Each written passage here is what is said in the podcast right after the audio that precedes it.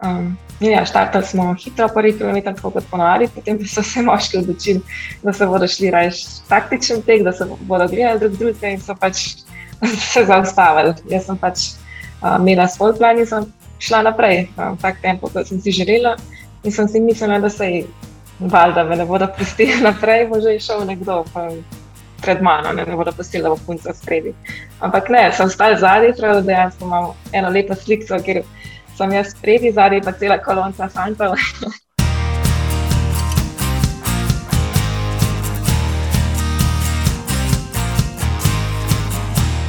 Hej, hej, spoštovani in cenjene podke, za gre za tek je tole 29. epizoda.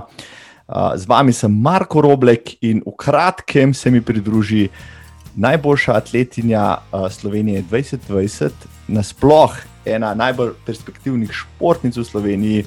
Veliko pričakujemo od nje, uh, atletinja najvišjega svetovnega ranga, stipel česarka Maruša Mišmaš. Pogovorila se bova o njeni uh, dosedanji karieri, njih planih za naprej. Veliko zanimivih zgodb se je zgodilo, srečnih, tudi nesrečnih momentov. Vse to sva pregledala, obdelala in se poglobila. Nedvomno vas bo zanimalo, Tako da uživajte pri poslušanju, še prej pa hvala vsem, ki ste se že naročili na ta podcast, vabljeni tudi novi naročniki. Vsa, hvala vsem, ki delite, ki všečkate, ki komentirate. Zelo hvaležen za vaš čas, za vašo energijo, za vaše feedbacke. Hvala tudi vsem, ki donirate in pomagate, da tale podcast ostaja uh, tako, kot je in da ga furam še naprej. Tako da uh, sedaj pa, Maruša, mišmaš. Maruša, pozdravljena, živijo, dobrodošla v podkastu, čast in ja. veselje mi je, živijo, živijo. Um, ja, hvala za vabilo. Hvala za tvoj čas, vem, da imaš natrpen urnik, veliko obveznosti, zato moramo tale čas, ki ga imamo, izkoristiti najbolje možno. Najprej standardno vprašanje. Zdaj me že malo hecajo, že drugi mene, ampak vse te bom vprašal. Si danes že tekla? Ne, danes pa nisem tekla, sem bila na kolesu prej, um, motor. 45 minut, pa še vaje za trup sem delala, popoldne imam pa tekaški trening. No, seveda, danes še boš tekla, no, tudi kološte je, je. seveda. Ja.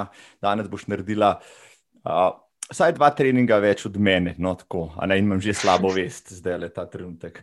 Uh, spoštovani in cenjene, naj vam začetek, kot se spodobi, predstavim Marušo Mišmaš z Rimša, ki je danes moja gostja.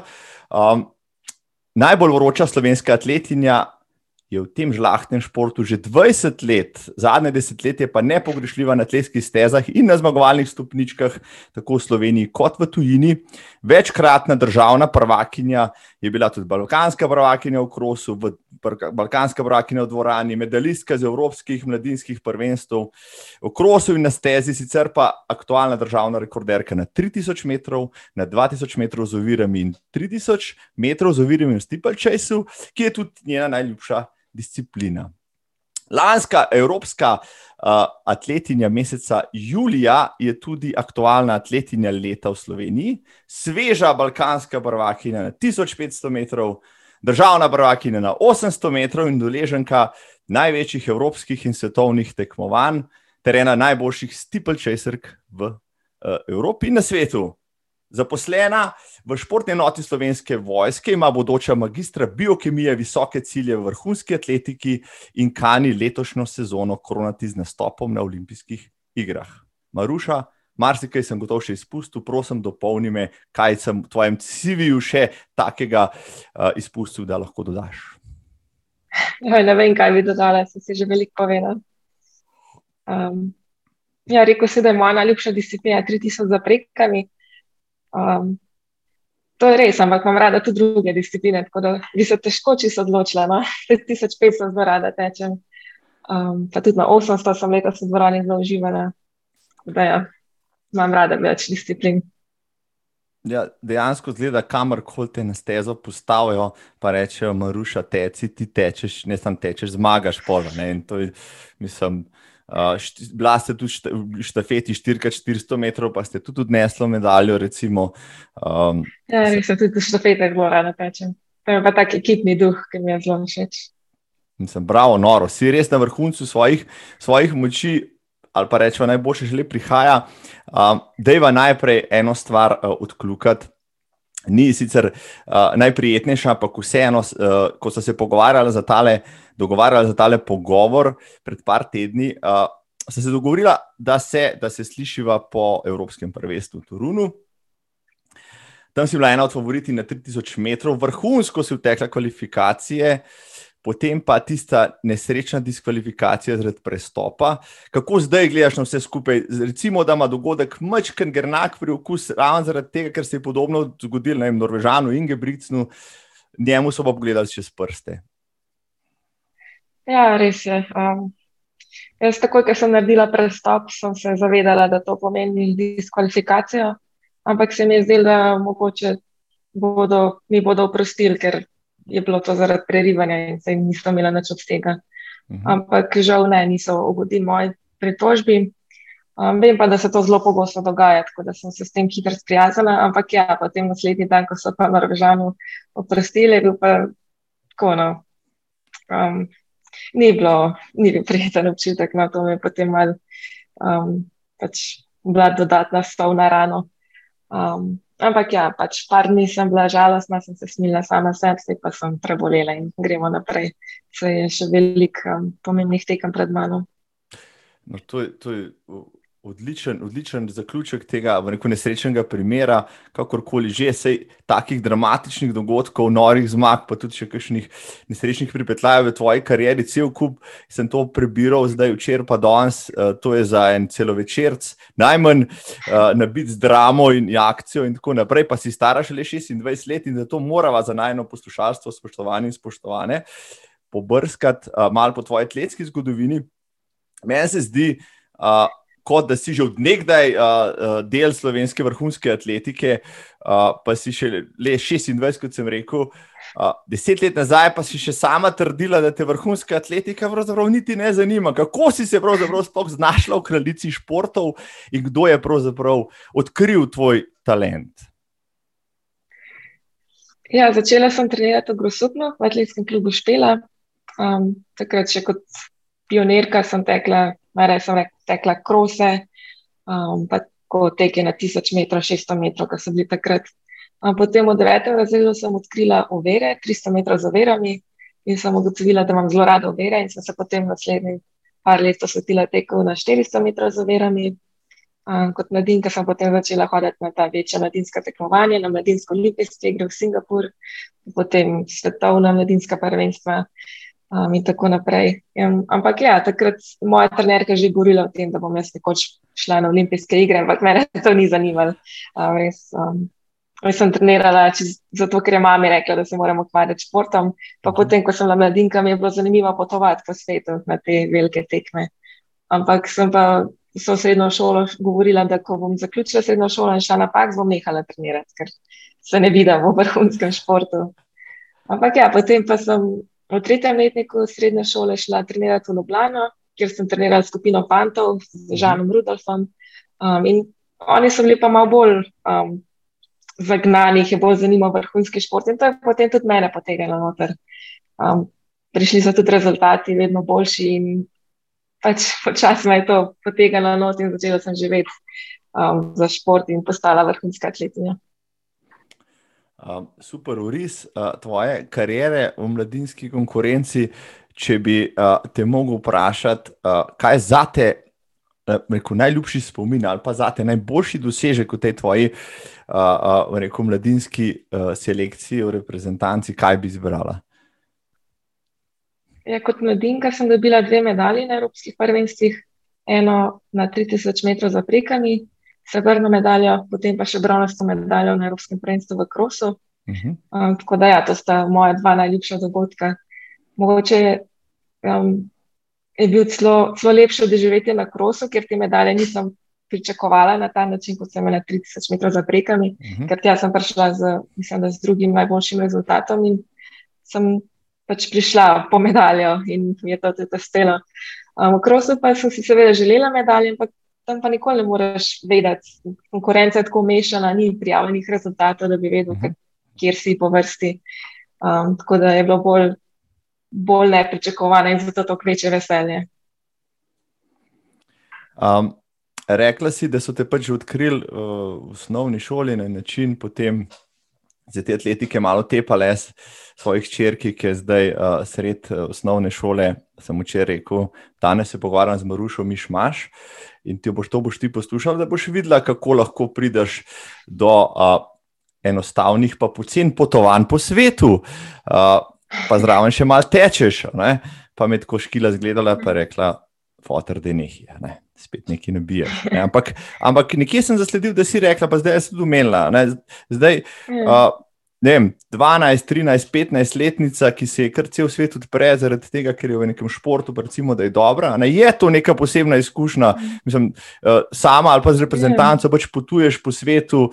To, to so ti kulturni vplivi, pa, pa spravim, tudi vplivi na to, da odraščaš s tem gor, kot pa če si, recimo, bolj, bolj doma. Ja, ja, sigurno, ko si ogledaš svet, imaš tako malo širši pogled na svet, spoznaš druge kulture. Vidiš, da ni, ne vem, veliko slovencev mogoče govori, kako je v Sloveniji vse slabo, pa da je mhm, nekje boljš. Pa. Vidiš, da, da sploh ni, vsak ima neke svoje težave in pa ko priješ domov, vidiš, kako lepa je v resnici Slovenija. Tako da, ja, sigurno ti odpre nek širši pogled.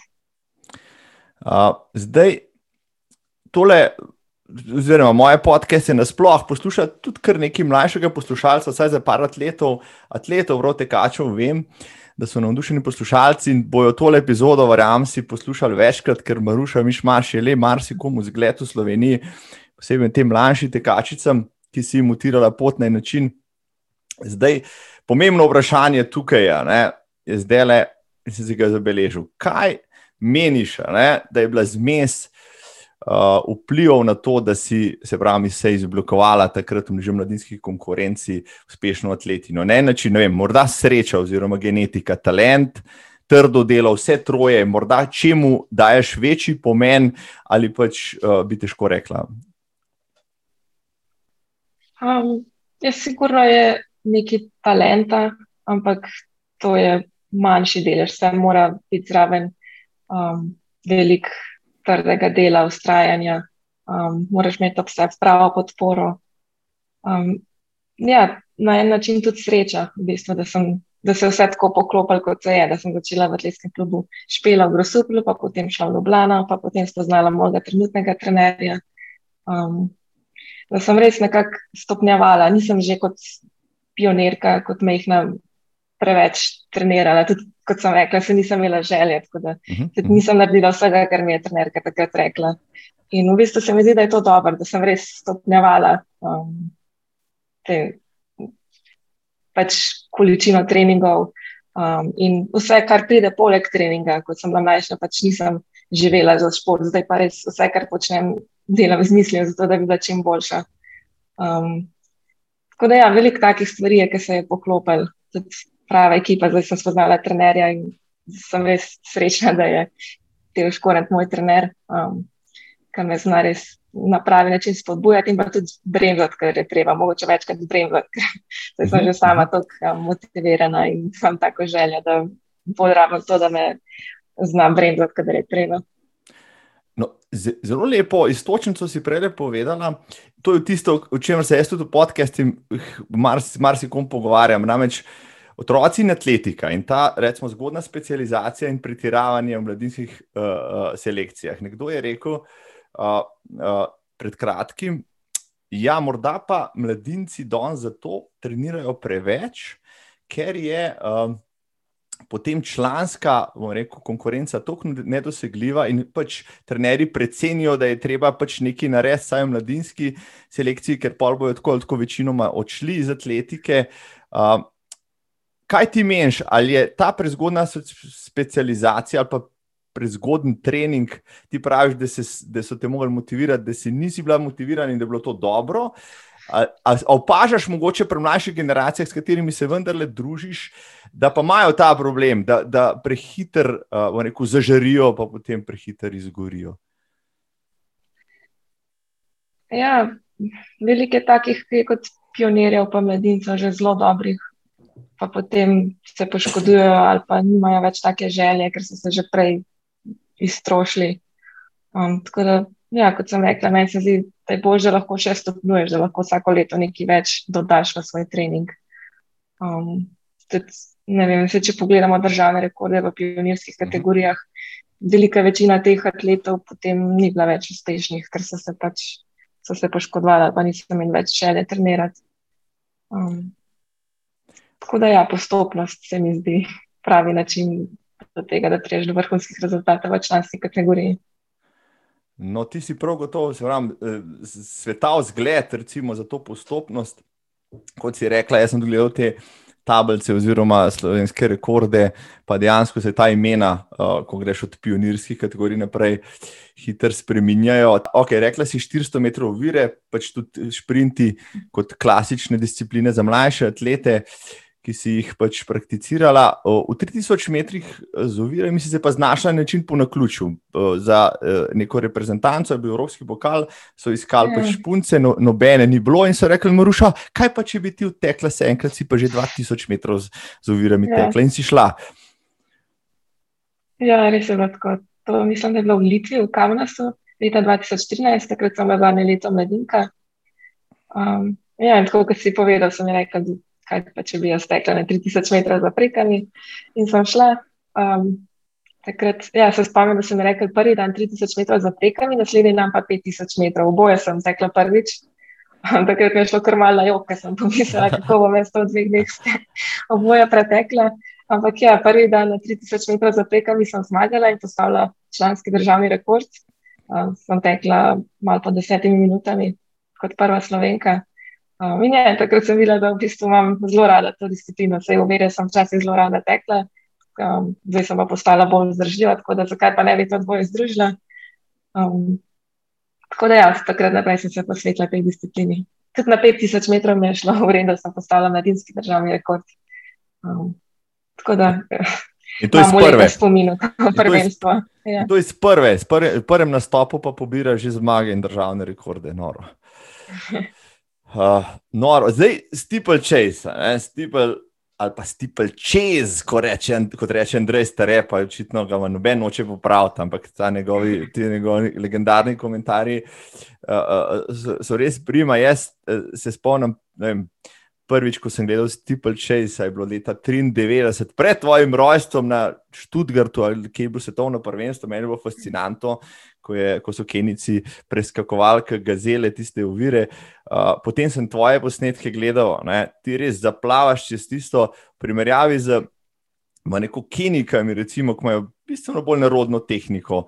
Zdaj, Ti si najbrž to tehniko usvojila že pri 400 metrov uvire, ne? ker mnogi Ja. od teh dolgoprogašov na uvirah uh, prej niso bili neki, neki šprinterji ali pa 400 metraši na uvirah. Ti si bila in si takrat usvojila to tehniko, najbrž ti to pomaga. Ja, sigurno. Jaz sem takrat ogromno trenirala teka čez ovir, tako da se mi to poznaja. Jaz sem res um, lepa tehniko čez ovir, tudi kakšne evropske atletinje ne tečejo tako lepo kot jaz, ker pač niso prej trenirala 400 ovire. Um, tako da, ja, to je moja prednost. Kaj pa ta nesrečna vodna ovira? Tam smo pa videli že marsikaj, zvite, gležne, polomljene kolena, mm. skoraj v topu se je že kdo tam. Mislim, ta, ta ovira pa terja nek drug pristop. Kaj, ne? Ja, res je, tudi jaz sem si zvila gležen na vodni veri leta 2015, takrat potem en mesec nisem mogla teči. Um, tako da, ja, vodna vera ni moja najljubša stvar te discipline. Um, ja, je potreben tudi drug trening, predvsem moraš biti stabilen in močen, da prideš čez čim hitreje. Um, pa predvsem ne smeš biti prestrašen, moraš biti čim bolj sproščen in potem vidiš, da v bistvu sploh ni tako hudo. Um, Zbram, ta disciplina, ženska disciplina 3000 metrov ovire, mi, odkar si ti pač vrhunsko, res postala ena, ena, ena, ena tistih, ki jih meri pol spremljam. In je res napredek, je, napredek je silovit, uh, tudi nasploh. Bo o tem še spregovorila malo kasneje. Tukaj sem si zabeležil, da te moram vprašati, tudi za vse tiste mlajše atlete in vse ostalo, da si približamo pojem vrhunske atletike nam navadnim smrtnikom. Uh, Kako recimo zdaj treniški dan, Maruše, miš imaš? Um, sej, so zelo različni dnevi. Um, večinoma treniram dvakrat na dan, to je takrat, ko niso tekme, tako zdaj v tem obdobju.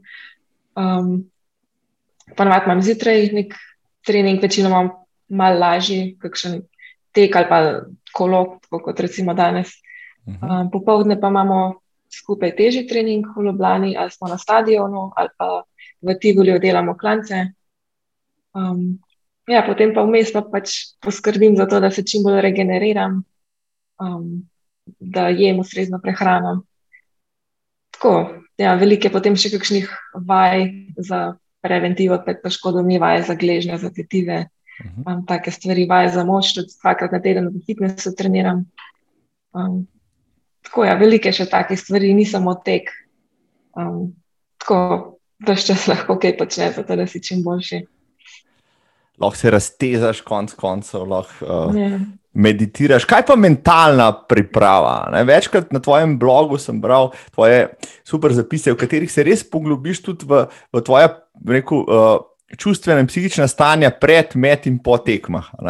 In, in zelo, zelo odprto in iskreno o tem govoriš, o tisti živčnosti, recimo o tem, da ti je včasih nabruhanje, da se dobro počutiš, o adrenalinu in tako naprej. Uh, res doživeti, res, res dober pogled v, v, v to, kaj to dejansko pomeni. Mislim, prideti iz tistega koloruma ven, pa zunaj, pa te gleda, reko, cela, cel svet. Ne? To najbrž je psihičen pritisk neznosen. Kako se ti mentalno pripravljaš, recimo predhodno in takrat, recimo pred samo tekmo?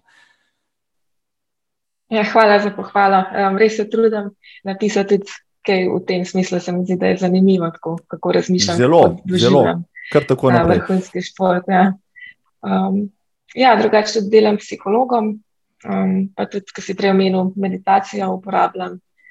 Um, tako je, ja, predvsem pa se mi zdi najbolj pomembno, da sprejmeš te občutke živčnosti, ker to je normalno. Adrenalin uh mhm. -huh. mora biti prisoten, brez tega tudi ne moreš, da to vsega uh mhm. -huh. iz sebe natekni.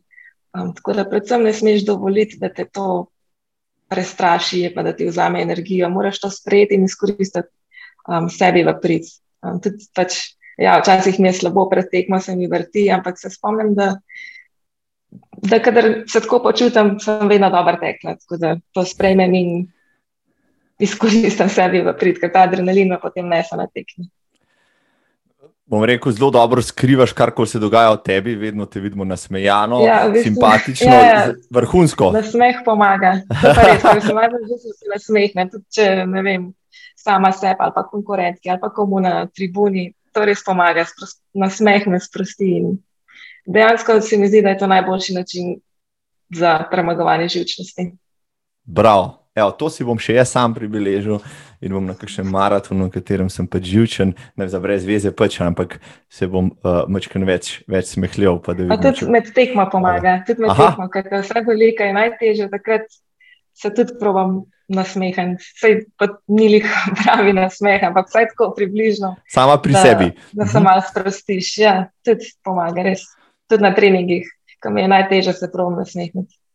Zelo zanimivo, zdaj sem se spomnil ne, uh, prigode s Kipčogem iz Duneja, ko je postavil SAP-tu maraton, uh, nekje ne, na 33 ali 35 km je bil, uh, ko je rekel komentator, no, Kipčoge se je nasmehnil, to pomeni, da res trpi. Ne, da ja, on, se, ja. on se smeje samo takrat, da ima pač kamen ulice, ampak ko pa se on zasmeji, pa pomeni, da nekje je, da se mu res, moče tudi on s tem pomaga, zelo zanimivo. Mogoče mogoče je to lastnost tega prvaka. Tako da uh, mladci tam zunaj pišete si. Smeh pomaga. Uh, pa prav še eno slabost tudi v svojih pisanjih, posebej na tekmah, pa tudi na treningih.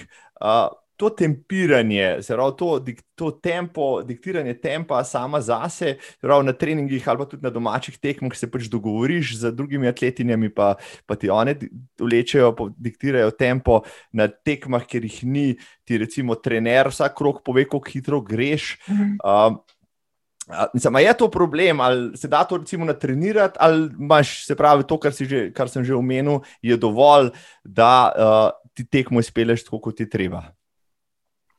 Ja, zdaj sem se že malo izboljšala v tem v zadnjih letih, ker na treningih večkrat treniramo to. No. Trener mi reče, da moram um, odteči določeno distanco v določenem času in pač se moram potruditi, da to zadanem. In sem se v zadnjih letih izboljšala. Ja.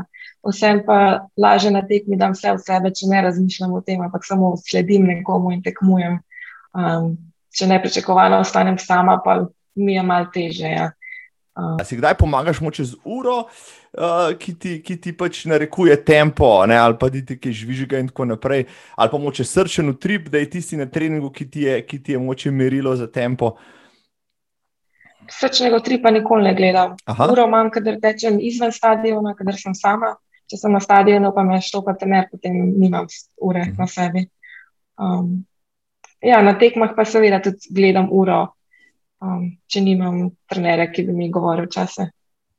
Se pravi, se da tudi, ni preveč eh, miselnega napora, da se takrat ukvarjaš s tistimi številkami, se naprej že pripravaš, pa rečeš, ne vem, 70, to, to, to. Ja, ja, recimo zdaj v dvorani, dvakrat sem tekel 1500 metrov in je bil plan, da odtečem um, do zadnjih 400 metrov v tempu 34 na krog.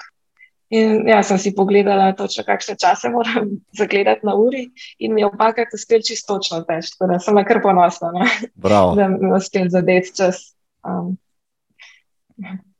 No, um, tole, to, to se jaz spomnim, sem tudi sam pri sebi treniral, predvsej počešnej, seveda, ne, kako sam sebe spoznati, da ugotoviš, kakšen tempo imaš. Zdaj, na stara leta, karkoli tečem, karkoli rečem, falim, zmeraj mislim, da sem hitrejši, hitrejši in gracioznejši, kot najbrž sem, ne, ampak to pač pripisujem, pripisujem temu res dobremu počutju, ki ga imam, da sploh lahko tečem.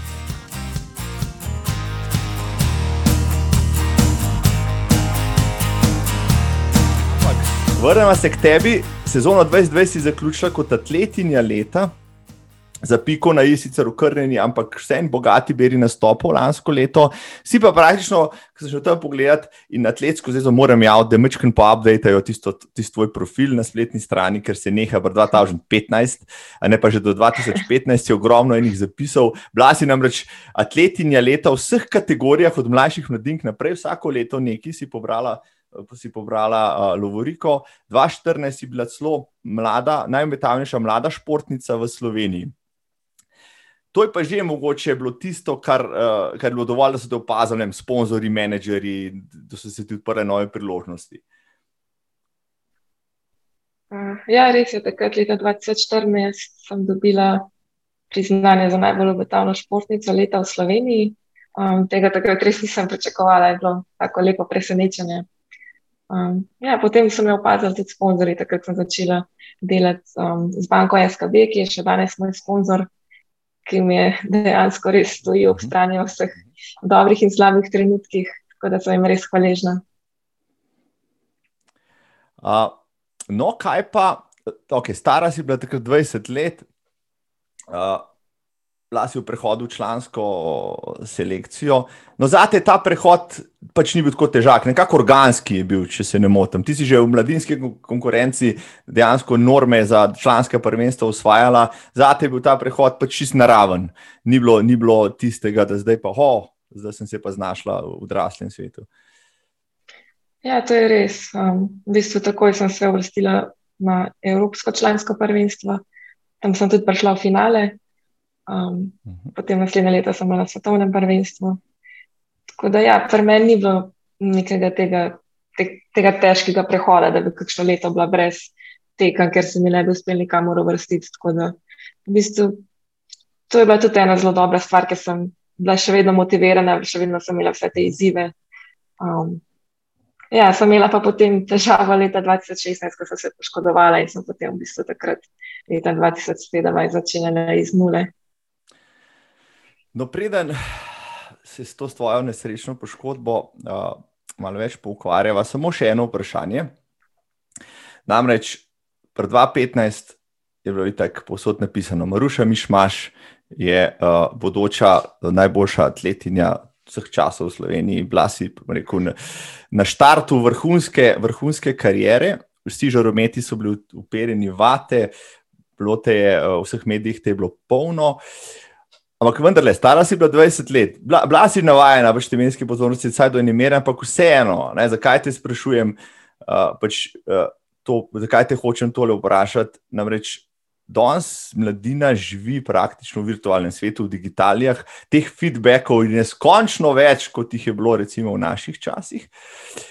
Uh, zdaj, zelo lahko je pomešati ta digitalen oziroma ta navidezen svet z realnim svetom. Ne? In to ima lahko rekel, različne vplive. Lahko ti preveč napusta ego, lahko ti preveč tudi vrže dol, ko se primerjaš z drugimi, ko ti daje nekdo feedback, ki niso pravi in tako naprej. Ko si se pa ti soočal z to pozornostjo, da ni na te vplivala, recimo, destruktivno, ne? da si znala pač te, vse te obveznosti, vse, vse ta pritisk, konc koncev, zdaj si bila že pod pritiskom, sklepamo, ne? da so pričakovanja od tebe na, na tebi so bila visoka.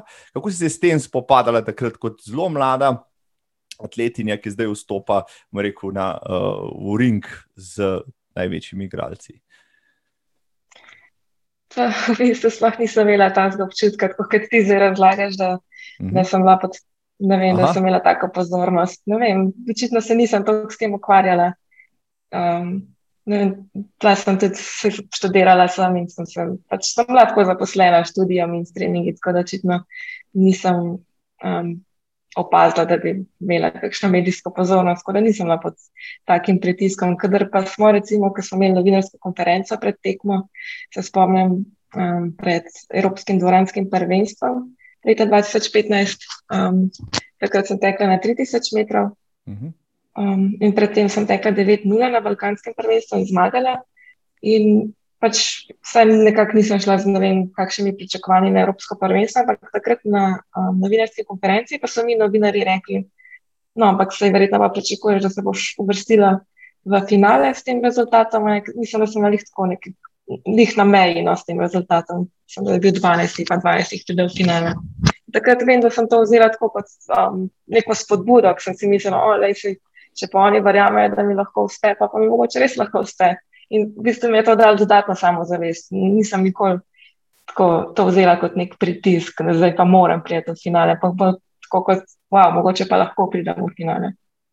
In se mi zdi, da tudi pri vsaki stvari je treba tako vzeti. Tudi zdaj, ko sem zdaj že sama sebi postavljam veliko više cilje, ampak vidim, da je boljš, da si ne rečem, ne vem, moram odteči tak pa tak rezultat, ampak da si rečem, lahko odtečem tak rezultat. Tako da je neka pozitivna motivacija, ne pa negativen pritisk. Jaz mislim, da uh, kljub temu, da praviš, da je uh, karijere v atletiki po končani karieri ne misliš imeti, pa nedvomno lahko uh, imaš delavnice o tem, kako se spopadati z rekel, pričakovanji v okolice in tako naprej, ker tvoj prizemljen. Uh, pa, pa dovršen sistem spopadanja s tem, pravim, je, je, je res izvrsten. Uh, jaz poznam ljudi, ki jih že, rekel, komentar na objavi na Instagramu potre za cel dan. Za marsikoga je to že izjemen, izjemen pritisk, pod, pod katerim klone ti, ti očitno ne, no, in tudi to je, po mojem, sestavina tvoje, uh, tvoje nevrjetne uspešne poti. No, in prišla si do 2015, Evropsko svetovno norma za, za, za Rio, potem pa pripravi v Južni Afriki, in ko se vrneš, bam, tista nesrečna ja. poškodba. Kako, ja, kako si pa to sprejela takrat? To je bilo pa. Ja, um, bilo je zelo težko leto tako psihično naporno. Takrat, februarja, ko sem se vrnila s pripravo v Južni Afriki, sem začutila bolečino v tetivi, oziroma v burzi ob tetivi. Mhm. Um, in pač začela se tako kot neka majhna bolečina, pa sem par dni počivala, pa spet tekla, pa je bil en teden v redu, pa se je potem spet ponovil. In to se je potem tako dogajalo, bila bolečina ni bilo in to je trajalo pač do julija, dokler se nisem odločila, da imam dovolj. Um, in ja, njih to, ker nikoli nisem vedela, ali bo zdaj v redu, ali ne bo, ali bo uspeli na olimpijske igre ali ne. To je bilo najbolj psihično naporno, ta del. Tako, ja, res naporno je bilo. Potem, ko sem se enkrat odločila, da je dost, ne grem na olimpijske igre, se mi je v bistvu odvalil kamen iz srca. Mhm. Um, in ja, mi je bilo potem lažje, ko sem se enkrat odločila, da je. Um, zdaj pustimo to iščemo rešitev, potem sem se odločila za operacijo in potem res začela čisti z nule s novim trenerjem. Um, potem je bilo vse lažje, no. čeprav me čaka še veliko dela do tega, da sem se vrnila. No, se je to, začela si z nule. Mislim, to je moglo biti težko. Najprej se ti podrejo. Sanje vsaka športnika, sigurno so, da pride na olimpijske igre, tebi je bilo takrat to odzeto, eh, ti je Hilka to vzela, potem pa uh, operacija, rehabilitacija, ampak zdaj smo spet na nuli. Dej, ti, ja. si, ti si se pač mogla motivirati, veliko si že naredila, zdaj si se pač mogla zmotivirati, da še enkrat štartaš, pa prihodiš še tiste stopnice, ki si jih enkrat, enkrat že. A je bilo teže kot prej, ja. ali, ali si bila bolj motivirana, morda ali zaradi tega, da pokažeš, da, da imaš še v sebi to? Takrat je bil pač čez drugačen pristop. Zamenjala sem trenerja um, z mojim zdajšnjim trenerjem, Težem Korentom, sva se še pred operacijo um, usedla in sva se pogovorila in sva se odločila, da pač greva, da bova skupaj šla do Tokija, da greva tako, na medaljo v Tokio oziroma. V tem smislu, da greva all in, da se ne greva rekreacija, ampak bo res delala za to, da bom čim boljša. Um, odločila sta se za operacijo, takrat že pred operacijo, tri mesece nisem tekla, potem po operaciji še tri mesece nisem smela teči, tako da sem bila pol leta čist brez teka. Vmes sem seveda trenirala v bazenu, delala vaj za moč. Um, ampak ja, potem sem se mogla počasi um, vrniti v tek in to je bilo zelo boleče, ker sem začela teči, da prvič se spomnim. Um, sem deset minut tekla, pa me je potem vse bolelo, sem ko bi prišla po stopnicah domov. Um, tako da ja, je, bil, kar, je bilo boleče vračanje. Ampak ja, rekla sem leta 2017, da bo leto nič, ker sem res tako postopoma šla v tek, delala zelo malo tekaških kilometrov, več sem delala takih šprinterskih treningov, um, zato da sem malo spet pridobila na hitrosti, ker sem v zadnjih letih izgubila. Um, veliko delala vaj za moč, ki jih prejšnje leta v bistvu sploh nisem delala. Tako da sem res nekako sestavila moje telo, da sem potem konec leta 2017 začela z bolj resnim tekaškim treningom. In potem sem tako postopoma nadaljevala vsako leto, vedno več kilometrov, vedno več vaj za moč, več teži. Tako da sem res postopoma gradila do tega, da sem potem bila za Tokio lani pripravljena, um, kot sem si zamislila. Um, ja, je bilo pa zelo težko. Sploh leta 2017, ko sem tako minimalno trenirala. Um, potem smo se vseeno odločili, da bom polet malo tekmovala, zato da, dobim, da ne izgubim tega tekmovalnega občutka. Ampak mi je bilo res težko iti na tekmo, ker sem vedela, da, pač, da ne morem doseči takih rezultatov, kot sem bila včasih mhm. sposobna. Tako, težko se je bilo zmotivirati za nek, mislim, povprečen rezultat. Sap, par um, rezultat. Ja, ja. ja. sem vedela, da, pač, da to je del plana, da moram biti potrpežljiva. Ampak ja, takrat je bilo, kar, je bilo težko biti potrpežljiv. Uh, tvojega trenerja Teoža Koranta si večkrat zdaj že omenila. On je bil tudi pač varovanec tvojega prejšnjega trenerja, uh, Oviraš. In uh, rekla si, da si pa z, z njima, ne, s Teožom, pa res našla uh, tistega trenerja, ki te razume, ki te spodbuja, ki, se, ki ima čisto nov princip dela, ki ti predvsem uh, ohranja treninge zanimive, nikakor ne enake, vsake se kaj drugega spomni, tako da se mhm. praktično veseliš iti it na trening tudi to leto, nič, uh, ki bi bilo za marsikoga uh, lahko usodno, pa bi rekel, lej, ne, iz nule ne grem, eno leto je predolga doba, kje so še vsi ostali, vse ostale gledaš, ki zdaj napredujejo, ti zadnji ustajaš, ampak uh, očitno, očitno je to bil. Uh, Neko tudi recept, večkrat omenjaš, zaradi te poškodbe si boljša atletina zdaj, si boljši človek in ta, brez, da si praktično hvaležna za to poškodbo na en način, ja. ker, ker si zaradi te poškodbe to, kar si danes. Ja, res je. V bistvu zaradi te poškodbe sem se odločila, sva se s že odločila, da greva na svoje in sva res začela iz nule, ker pač prejšnji trening, pri prejšnjem trenerju bil drugačen. Um, zdaj pa sva res začela tako ne vem, rekla, s pravim vrhunskim treningom. Um, tako da, ja, pač v bistvu ta poškodba je bila ena dobra stvar, ki mi je res pomagala, da sem šla na pravo pot v svoji atletski karieri. Um, ja, tako kot si rekel, predtem že so treningi zelo raznoliki, v bistvu nikoli ne naredim istega treninga dvakrat, vedno je kaj drugače. Um, nikoli mu ne zmanjka idej. In tudi všeč mi je njegov pristop. Um, v bistvu razume, kaj jaz rabim. Jaz ne mhm. rabim enega, da se dere na me, da, ne, da moram karati na treningih, ampak da me na pozitiven način spodbuja. Tako, ko mi je najtežje, mi reče, da se spustim, da uživam, da se nasmehnem. In to pač name deluje najboljš. Bravo, bravo, super. Uh, super, super, uh, tudi za vse tiste tam zunaj, ki se sprašujejo, uh, kako zanimivo, rekreacijo narediti zanimivo, fanti in dekleta. Ne? Nehite drajsati skozi vi iste trase, pa iste kilometre, zavite v soseden gost, pa bo ne primerno bolj zanimivo. Jaz sem to začel lansko početi in garantiram vsem ostalim, da ti to pomeni. Ja, no, glede tega, da se, ja. se, se moj mož smeje, ker jaz doma najraje štačem, vedno pa eni in iste trase. Uh, Ker grem sama, grem vedno po eni isti trasi naravnost, pač naprej, in potem po isti poti nazaj. Ampak, ja, um, kader greva skupaj, pa mojemu možu to ni všeč, da grejo potem, ki po njegovih trasih malo drugače. Ja, no, zdaj, uh, rekla si 2017, zaključujemo to sezono 2017 in posebnim dogodkom. Uh, povratek tvoj na, med, rekel, na sceno, med, tudi med rekreativce, ne veš, predvideti, prav poseben Ljubljanski maraton, desetka, kamor zahajaš vsako leto. Takrat si imela pač cilj, rečemo tam 33 minut, ampak uh, imela si cilj slediti moški skupini, kot ponavadi, jasno, ne? potem pa se je zgodil nekaj nenavadnega.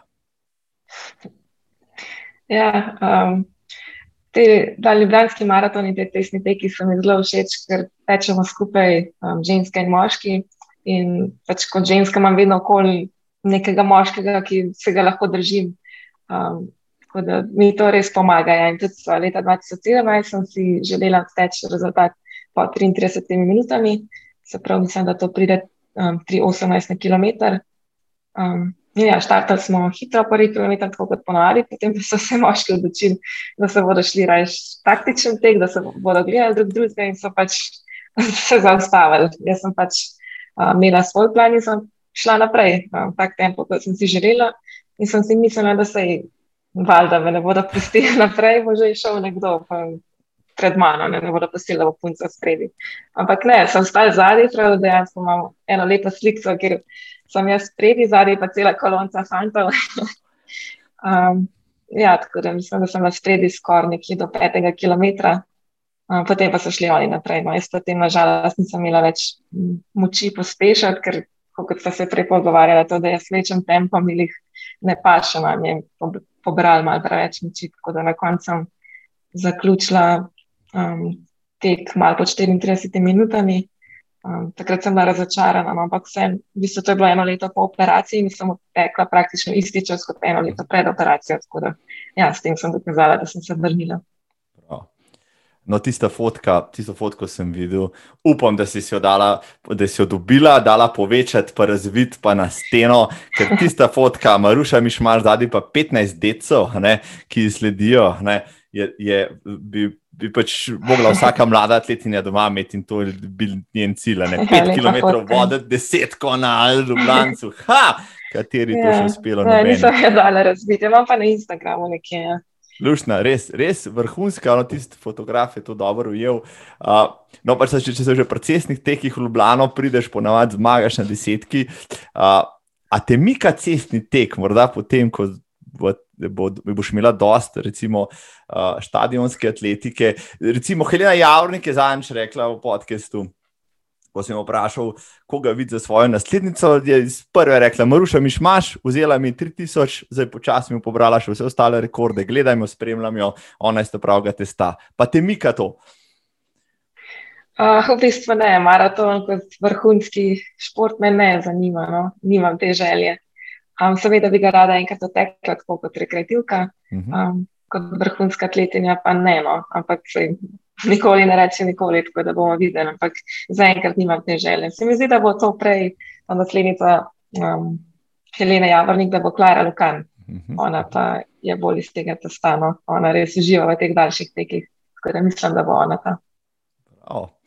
Prav, lepo povedano, no, če so pa že pri maratonu, prej si ga omenila, moža Mateja Zrimška namreč. On pa je uh, nekdani triatlon, tudi odličen maraton, mislim, da je bil okrog 2,35, je z lahkoto tekel mm. ta maraton. Uh, Je tudi tvoj trening partner, a, a pomaga, če imaš doma praktično pri roki, uh, rekel, uh, sparing partnerja, trening kompanjona, ki ga lahko uporabiš uh, in, in narediš en trening v dvoje. Ja, zelo pomaga, vse dolge teke delava skupaj. Um, to je pač nek tak na, čas za naju, tako da res uživava. Um, ja, mi zelo pomaga, da je z mano. On je zelo zdržljiv, seveda, in na vseh teh dolgih tekih je z mano. In takrat, ko je začnem trpeti, potem on začne tako me malo zafrkavati. Tako, tako da hitreje čas mine. No, tudi uh, kolesarva skupaj, on je no, zelo navdušen nad no. kolesarjenjem, v bistvu me je on peljal v to in sem ugotovila, da mi tudi ta kolesarski trening v bistvu zelo lepo dopolnjuje moj pekaški trening, um, sploh če imam kakšne težave s poškodbami. Um, tako da mi tudi pri tem pomaga. No, zdaj, če zdaj on heca tebe, uh, boš to še vse vrnila v prihodnih sezonah. Tudi on ne bo skozi hitrejši. Na stadionu, ker so težki hitrejši treningi, pa on um, trpi zraven. Ja. No, no, no, no, lepo. Ja, ja. Vsaka palca ima dva konca. No, vse leta 2019, uh, ko sta se poročila, sta šla na medene tedne v St. Moritz, kjer si ti pač naredila tudi priprave 14 dni. Je bila to tvoja ideja ali njegova? Um, oba, sej, oba najbolj uživamo v športu, nimamo želje, da bi šla nekam poležavati na plaži, ampak gremo raje tako nekam v gore, kjer lahko kolesarva in tečemo. Je bil v bistvu, so bili sanjski medeni tedni za oba. Bravo, bravo, jaz sem svojo ženo takrat pelil za medene tedne v Italijo. Pa sem tudi veliko tekel, ker je bila ona visoko noseča, pa ni mogla parirati temu. No, zdaj bom rekel, draga žena, lej, kako so se lepo imela, tako kot Maruša, miš imaš, pa metaj. Ja, sam ti nisi tega znala prav cent, sem sam zmerjala, zdaj boš pa sam laufal. Ja. Um, Zdaj si se vrnila, potem uh, uh, na takrat nazaj, uh, 17, 18, 19, evo, to so bile tvoje sezone, svetovno prvenstvo, prej Evropsko prvenstvo, Dvoransko prvenstvo, ni da ni.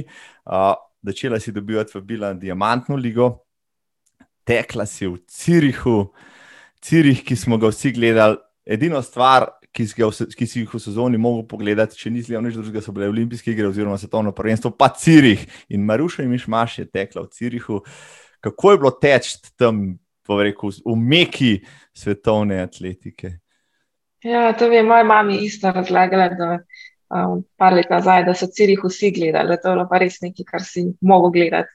Zdaj v teh časih mislim, da ni več čistko, no, nažalost, atletika ni več tako popularna.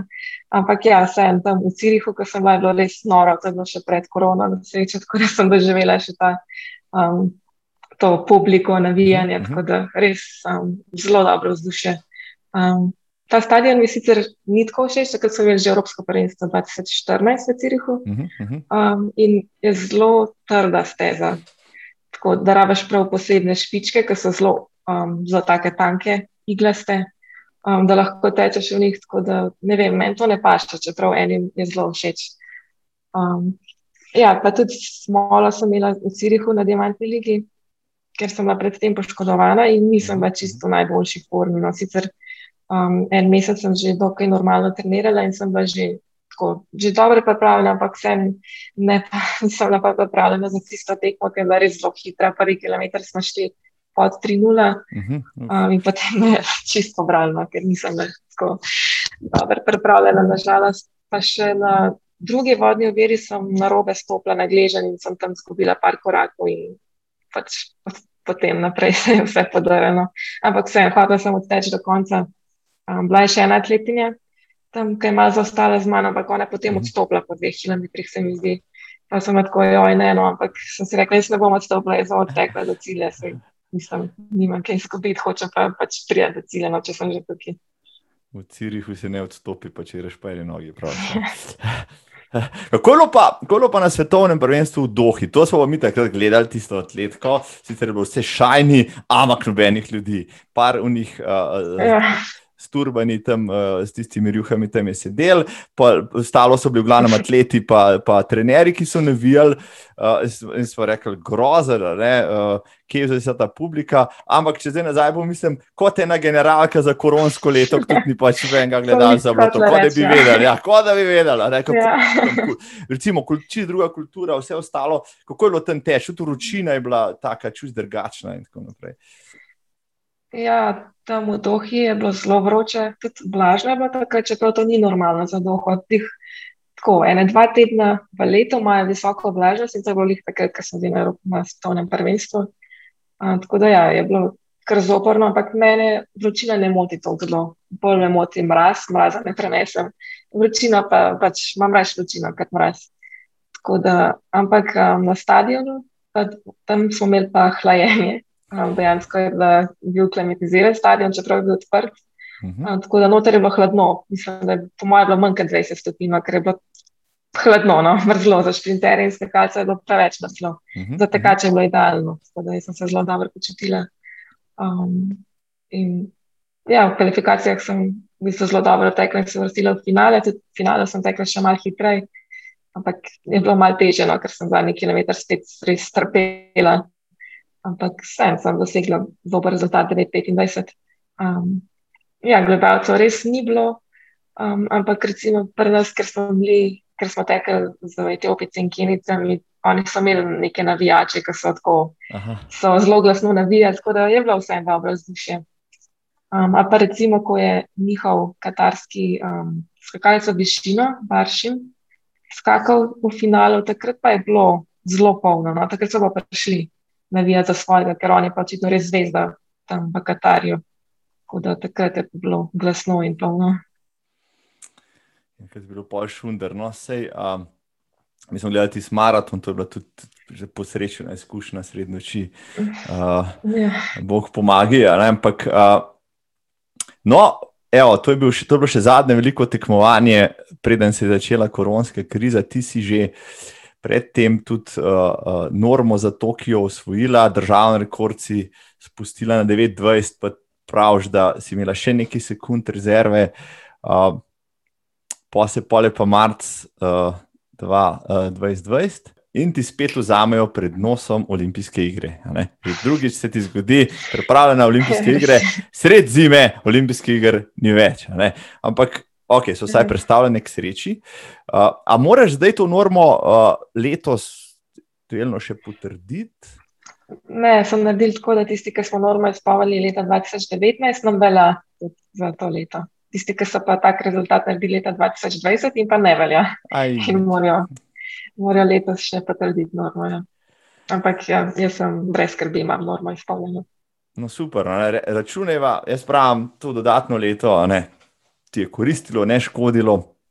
Uh, Mar se komu drugemu tudi, ki je lahko še normo zdaj postavlja. Vseeno, 2020 je bila za atletiko, pa vsi ostali športi, rekel, ali pa tudi cestni teki so trpeli, ampak atletika stadionska je imela nekaj od sezone, ti si imela vendarle izvrstno sezono, odnesla si državni rekord na 3000 metrov, skoraj da odnesla državni rekord na 1500 metrov, samo še eno sekundico tam drži Sonja Roman, to bo počasi šlo. Uh, v Ljubljani si napadala svetovni rekord na 2000 metrov z ovirami, in tam ti je par sekund zmanjkalo, ampak vseeno postavila najboljšo znamko, drugo najboljšo znamko vseh časov.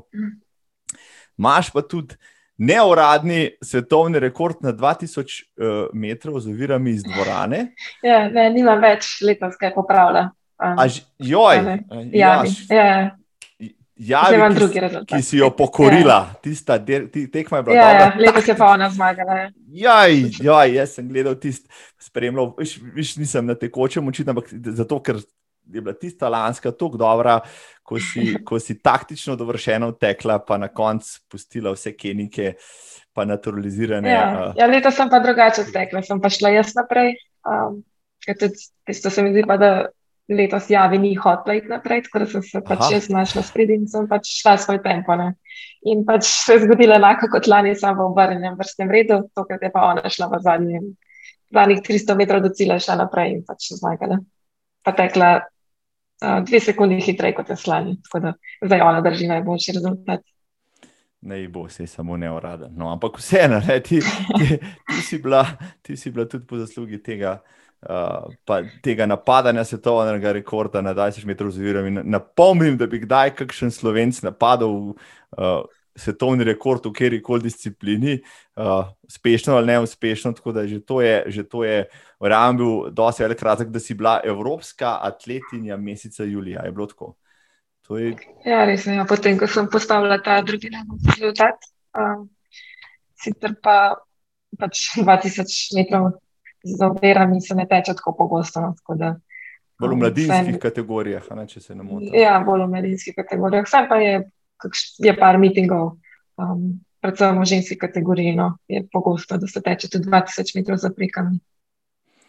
No, ampak zdaj si se uh, situirala dobesedno v vrhu svetovne stipelče scene, nedvomno, da se družiš z najboljšimi. Uh, Kako pa zdaj gledajo na te, moče od začetka so te še mal, so te še mal, uh, bom rekel, z rezervo je mal, zdaj te ne morejo več, da jih kar premaguješ, da si jim dihaš za uratnik.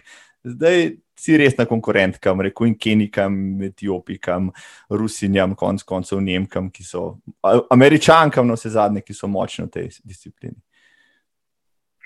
Ja, um, lani sicer nisem imela priložnosti kaj dosti povedati v tej disciplini 30 metrov za prekami, samo na mitingu v Berlinu sem tekla, kjer sta bili dve keniki, um, ostale so bile evropejke.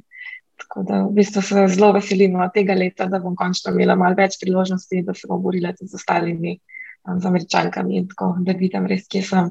Lani v Berlinu mislim, da mi ni jih uspelo odteči svojega optimalnega teka. No. Sicer sem za par um, desetinki izboljšala državni rekord, ampak sem si ga želela bolj konkretno izboljšati. No. Mislim, da sem na tega sposobna. Um, če bi imela še kakšno priložnost, bi sigurno tekla hitreje. Um, tako da, ko me čakam letošnje tekme ne vem, no, kako, no, kako drugi gledajo na me, ampak vidim, da zdaj jaz imam drugačen pogled na ostale. Včasih se spomnim, ne vem, leta 2018, ko sem prvič spet prišla na mal večje mitinge, sem jaz ostale tako gledala z nekim strahom, spoštovanjem, um, tako kaj pa oni počnejo, pa jaz. Jaz sploh ne vem, kaj počnem, kaj si zaslužim biti tukaj, tako malo, um, mogoče ne zdaj malo ekstremno povedala, ampak ja, na tak način, bila sem malo bolj prestrašena. Um, zdaj pa, ko grem na tekmo, sem samo zavestna in me niti ne zanima, kaj počnejo ostali. Um, ampak vem, da to, kar jaz počnem, odgovarja meni in ni važno, kaj počnejo drugi, pač vsak počne to, kar njemu odgovarja. Um, in tudi pač gledam na ostale kot na neko, vradne, neko vredne tekmice, um, nis, nisem več tako prestrašena, no? um, sem bolj samozavestna. Oh. No, zdaj, uh, na vseh teh velikih tekmovanjih si, poleg najboljših v svoji disciplini, najbolj spoznala tudi atlete, pa atletinje, najboljše atlete in atletinje našega časa iz drugih disciplin. Te, kateri še posebej navdušil, si koga spoznala in je mogoče celo tvoj vzornik, vzornica, uh, ali pa ga imaš posebej v čislih. Um, recimo, ne vem, Nemka Gesa Krause. -huh. Mhm. Ona ima dve medalji bronznih svetovnih prvenstv. In ja, včasih je bila ona tako moja vzornica, sploh zaradi tega, ker je evropejka in se je pač na teh največjih tekmah kosala s kinikami in američankami, ki so drugače predvladovali v naši disciplini. In mi je bila tako nekakšen vzor. Um, letos pa so v bistvu. Sva postali prijatelji, no, sva se pogovarjali na mitingih. Tako, ja, je je dober občutek, ker se spomnim, da sem včasih tako na njo gledala kot na neko vzornico, zdaj pa se tako druživa, čisto enako vredno. Tako da, ja, to je tako, kako pomislim, je res dobro občutek.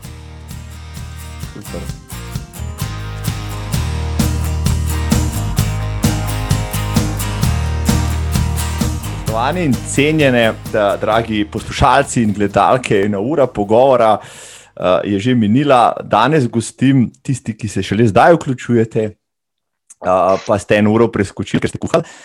Z mano je simpatična uh, in res super atletinja Maruša Mišmaš. Uh, Maruša, rekla si, imaš svojo vzornico, ampak tudi ti si vzornica vedno več atletom in atletinjam. Posebej to rada poudari že omenjena Klara Rukan.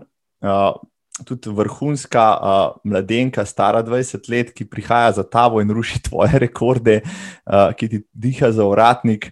Uh, z njo tudi skupaj trenirata veliko. In se mi tako zdi zanimivo, ja. v slovenski ženski atletiki, to že drugi primer. Uh, zadnjič sem govoril z, z Nejo Kršinar, ona si, sta se z Lauro našli in sta uh, partnerici v zločinu, se pravi pri treningu, in, in res napredujeta, zaradi tega boš. Uh, ti si isto omenila, da s Klaro se dopolnjujeta, da sinergija je neprimerno večja, ne, ker se lahko dajeta tudi na treningu, ker data od sebe več.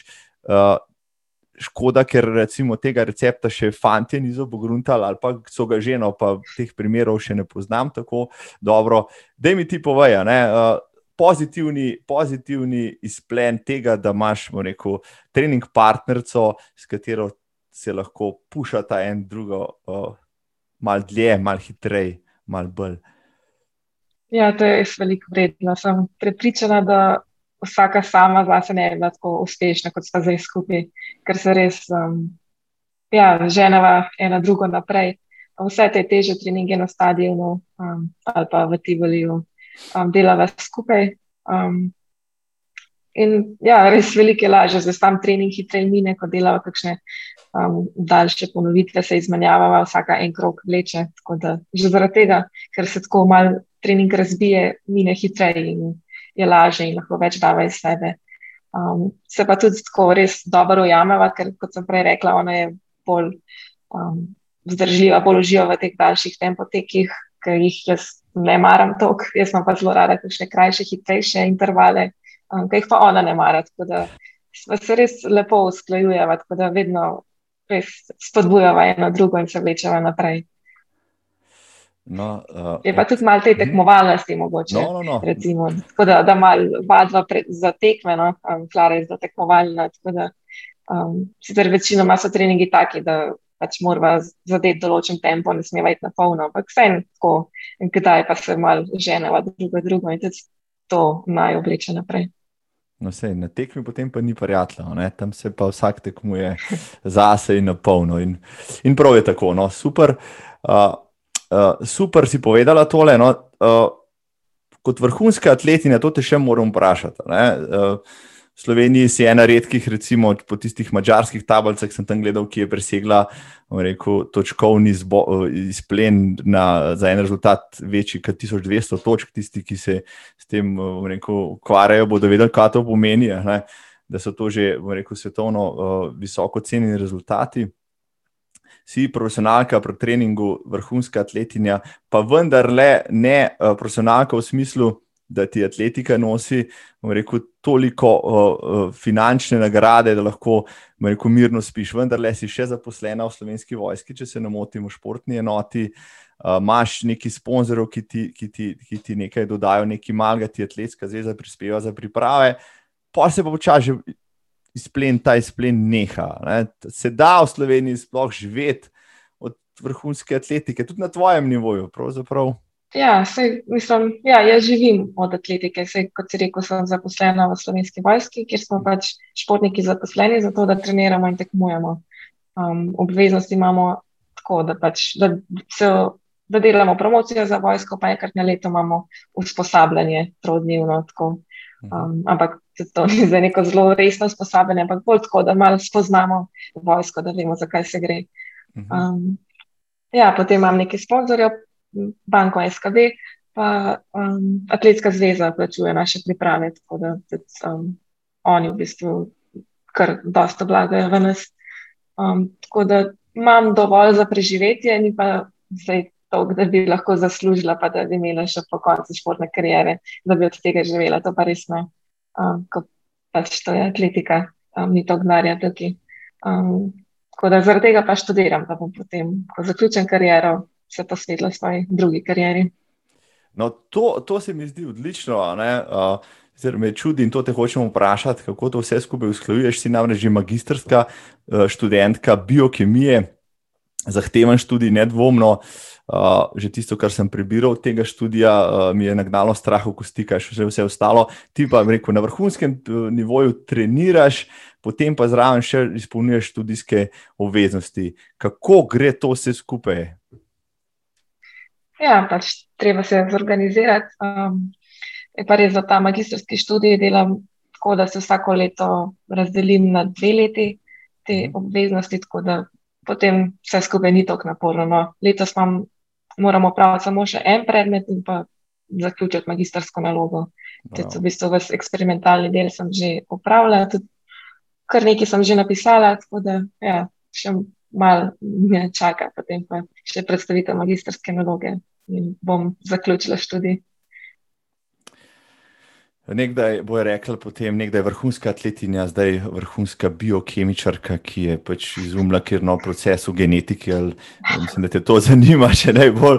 No, tvoj, tvoj mož je tudi, tvoj mož je tudi doktor, ne, oziroma uh, zdravnik, tako da, tako da ste tudi v tem primeru uh, zelo dopolnjujete. Um, no, in če so že pri biokemiji, pa pri, pri, pri procesih v telesu, uh, prebral sem, da si bila vegetarijanka, potem pa te je, bom rekel, na en način tudi ta vrhunska atletika pripričala pa ljudi v njej, da se velja spet poskusiti z mesom in si se vrnila vsaj ja. k občasnemu uživanju mesa.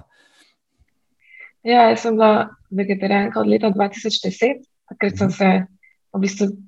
Vse sem že nekaj časa razmišljala o tem, potem pa sem se enkrat čez noč odločila, da zdaj pa to je to, ne bom več jedla mesa. Uh mhm. -huh. Takrat nekaj časa tudi rib nisem jedla, pa sem je potem lih zaradi atletike, so me pripričali, da saj ribe jim, da bom dobila malo več proteinov, pa sem potem jedla ribe. Um, no, leta 2018, se pravi skoraj 8 let brez mesa, um, so me pa pripričali, da sem začela spet jesti meso. Um, so mi rekli, da pač mogoče mi lahko to pomaga, da bom močnejša, hitrejša, mogoče pač vsaj za en procent, tako da bi bilo škoda, da um, ne provam tega ja, potem sem se odločila in sem začela spet jesti meso. Ampak praviš, ne, če si sama, moš prepraviti, kaj pa možani zraven, si še zmeraj za preseženja vegetarijanka. Takrat, takrat ja, ti ni treba sama... pohati šniclo. ne, sama res ne pripravljam mesa, ja, kadar ste skupaj um, pripravljala meso. Uh, no, ampak re, praviš, dozorela si kot, kot uh, um, atletinja, tudi skozi ta najmen pogovor se vidi, da imaš zelo širok pogled na atletiko, uh, tudi na preprečevanje poškodb, na regeneracijo, če se že pri tem. Uh, a se morda tudi s kolesom zaradi tega voziš, da ne pretreniraš, ker vendar je izkušnja te poškodbe je živa, zdaj veš, kakšni so simptomi, če se ti to spet ponovi ali kaj podobnega in veš, kdaj se moraš mm. ustaviti. Ali ti, se pravi, tudi ta ja. kolesarjenje, vodni športi, plavanje, konc koncev pomaga, da, da ohranjaš, rekel, tudi to zdravo atletsko telo. Ja, takrat um, od te poškodbe sem se res izučila, da je boljš prej se ustaviti, um, pa mogoče kakšen teden ne teč, pa je potem vse v redu, kot pa vleč poškodbo čez celo leto. Um, tako da, ja, zdaj, kadar me kaj zaboli, takoj povem trenerju in potem prilagodiva naslednjih par dni in grem na kolo. Um, včasih sem sicer več um, trenirala v bazenu, ta uh, aquajogging se reče, s pasom v globoki vodi, nekakšna um, simulacija teka, ne, plavati plavati znam žabco, no kravelj mi jih ne gre, da, zato imam raje šak na jogging. Um, potem pa je ja, lani, ko se je začel ta lockdown, so bili bazeni zaprti in sem mogla najti nekaj drugega na mestu. Um, Akva jogginga in sem začela s kolesarjenjem. Sicer se sem že prej, ko me je moj mož upeljal v kolesarjenje, ampak nisem bila tako navdušena. No. Bilo bolj tako, da so šla kdaj skupina kolone, pa prav za trening. Um, no in takrat lani um, med lockdownom sem imela tudi težavo s tetivo in sem zato veliko lesarila. No, takrat sem res sem bila skoraj vsak dan na kolesu. Um, in se je izkazalo, da mi v bistvu to očitno zelo odgovarja. Saj sem pa polet bila v zelo dobri formi, tako da tudi zdaj je še vedno kolo del mojih treningov. Tudi, če nimam težav, grem kdaj raje na daljšo kolesarsko turo, kot pa na dolgi tek. No, do Tokija je pa še štiri mesece, kakšni so plani do takrat, zdaj le še kakšna tekma, kakšna pripravljalna, samo trening, tempiranje forme. Ja, zdaj smo zaključili z vrhunsko sezono in me čakata dva meseca spet um, težkih treningov, zdaj marc, april, potem nekje, verjetno konec maja bom začela s tekmovanjem. Um, vmes bom šla, verjetno, če se bo vse dal, če ne bo kakšnega lockdowna, um, na pripravo na, na priprave na pokluko, v šport hotelu pokluka, tam spim v višinskih sobah, tako da so še malo um, te višinske priprave. Um, potem pa ja, konc maja imam plan tekmovati. Um, tako verjetno bom imela ene dve tekmi na 3000 metrov za prekanje, potem mogoče mi je še kakšno 1500 metrov. Um, bo pa vse usmerjeno v to, da bom čim boljša v Tokiju. Tekmo mhm. imam, mislim, da 1. avgusta ali drugega, pač v začetku avgusta. No? In ja, vse priprave so usmerjene do takrat. No, kaj pa malo rečemo, srednjeročni, dolgoročni plani v atletiki, še kakšen olimpijski ciklus, morda vem, na skok, še na kakšen svetovni rekord, eh, medalje vem, na, na večjih prvenstvih, svetovnih, evropskih, recimo, uh, kaj takega, da imaš v fokusu že zdaj? Ja, moja želja je, da bi bila v vrhunskem športu še do naslednjih olimpijskih iger, se pravi Pariz 2024. Um, ja, medalje. Zdaj, zdaj sem bila favoritka za medalje na Evropskem vrhunskem prvenstvu, pa se mi pač ni išlo, tako da to je seveda še vedno moja želja. Saj, um, za takrat me čaka še par evropskih prvenstv. Da, um, ja, sigurno so to še cilji. Um, tudi svetovna prvenstva so še naslednje leto, imamo svetovno prvenstvo v Jučinu v Ameriki, pa potem 2023 svetovno prvenstvo v Bratislavi kar je zelo blizu Slovenije, tako da se tega veselim. Upam, da bodo takrat gledalci dovoljeni, da bo lahko moja družina prišla z avtom gledati. Um, tako da ja, je še kar nekaj takih um, velikih pomembnih tekem, ki se jih veselim. A že kakšna bilka tekla pod 9-3000 uh, metrov? Ja, ja, prej je imela svetovni rekord Rusinja. Um, trenutno, zdaj evropski rekord 8-58.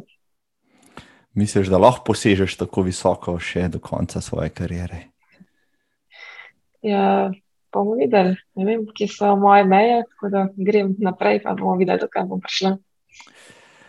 No, jaz imam letos, letos cilj odteči en kilometr, tako hitro, kot ti odtečeš, se pravi, uh, s takim tempom, kot ti odtečeš tri km z ovirami. Jaz bom šel brez ovir, ker si nočem resno poškodovati. Že tako se bom, spoštovani in spoštovane, ker me, če me ne bo kakšne 14 dni na podkastu, pomeni, pomeni, da sem neuspešno poskušal to napadati. In sem si kaj utrgal, to je tempo, pred 29, to je tempo 3 sedem, manj kot tri, sedem na kilometr z ovirami, vred, noro. noro. Um, da 3000 metrov uh, brez ovir, imaš rekord 846, da je tako. Ja. No, to je tudi. To, je to tudi, sem lani tekla. To je, to je tudi nedosegljivo za nas, rekreativce, tako kot kipčoge, včasih, če smo že pri tem. No, pa še en cilj imam, jasno, ne, da te enkrat uh, zvabim uh, na nočno desetko, na glavno tekmo, blasi že gor kot ambasadorka od SKB, pa pred ja. Hervisa. Ambasador. Si tudi ambasadorka gibanja in teka, no vse zadnje. Snemala si cel kup videov, ker si uh, približevala tek v neko širšim množicam, rekreativni tek pravzaprav. Ja, um, jaz zase vidim, da mi šport, ne samo kot vrhunski šport, ampak šport na splošno res velik da. Zaradi tega se bolj počutim, sem bolj samozavestna, sem bolj zdrava.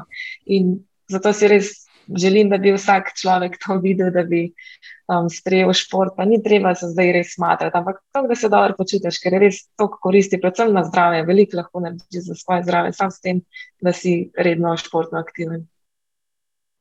Mislim, to je bila vrhunska misel, pa ravno sem hotel reči, kaj, kaj pa je tvoje sporočilo najnim gledalcem in poslušalcem, in si že vse povedala v prejšnjem stavku. Gibajte se, spoštovani in cenjene. Maruša, jaz se ti bom zahvalil za odličen pogovor.